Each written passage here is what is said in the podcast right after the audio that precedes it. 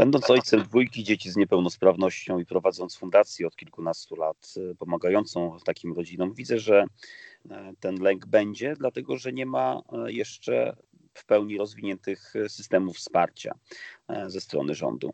Rząd robi na tyle, na ile mu pozwalają okoliczności, ale z drugiej strony mm, to skoncentrowanie się na problematyce powinno być jednak oparte o konsultacje społeczne z organizacjami pozarządowymi, e, że wspomnę chociażby od wielu lat e, nie zatwierdzony Narodowy Plan na Rzecz Chorób Rzadkich, który no, na pewno przez ośrodki referencyjne, które są wpisane w projekcie, mógłby pełnić taką funkcję skoordynowanej opieki od samego początku, już od oddziału szpitalnego, położniczego, czy nawet od okresu prenitalnego.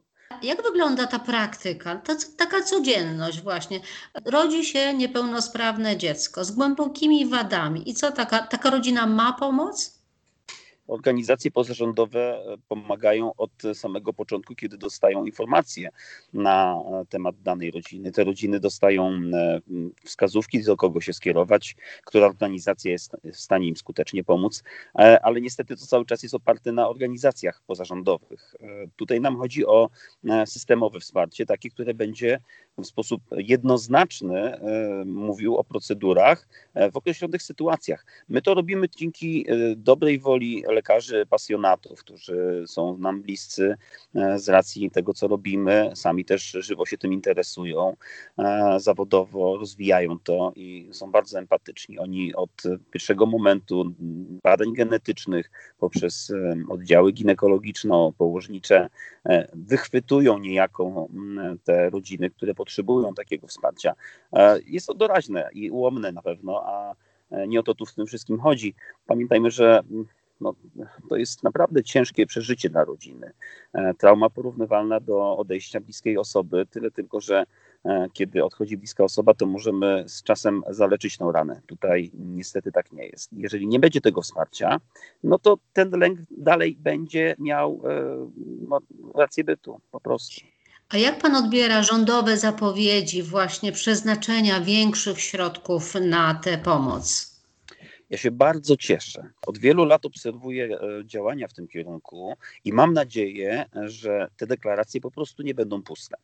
E, niestety rzeczywistość pokazuje, że e, wiele razy plany nie dochodziły do realizacji. Często były wykorzystywane pewne działania mm, po to, żeby pozyskać elektorat przed wyborami.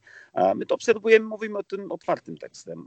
To, że nam się to nie podoba, to jedno, ale z drugiej strony staramy się wykorzystywać te brzydko to może zabrzmi, ochłapy ze stołu pańskiego, e, które czasami spadają e, w sytuacji, kiedy do tej pory nic nie było. Cieszymy się e, rzeczami, które powinny być oczywistością i systemem wsparcia które daje właśnie skoordynowaną opiekę. To, co my jako Fundacja Potrafię Pomóc będziemy realizowali od grudnia e, we Wrocławiu.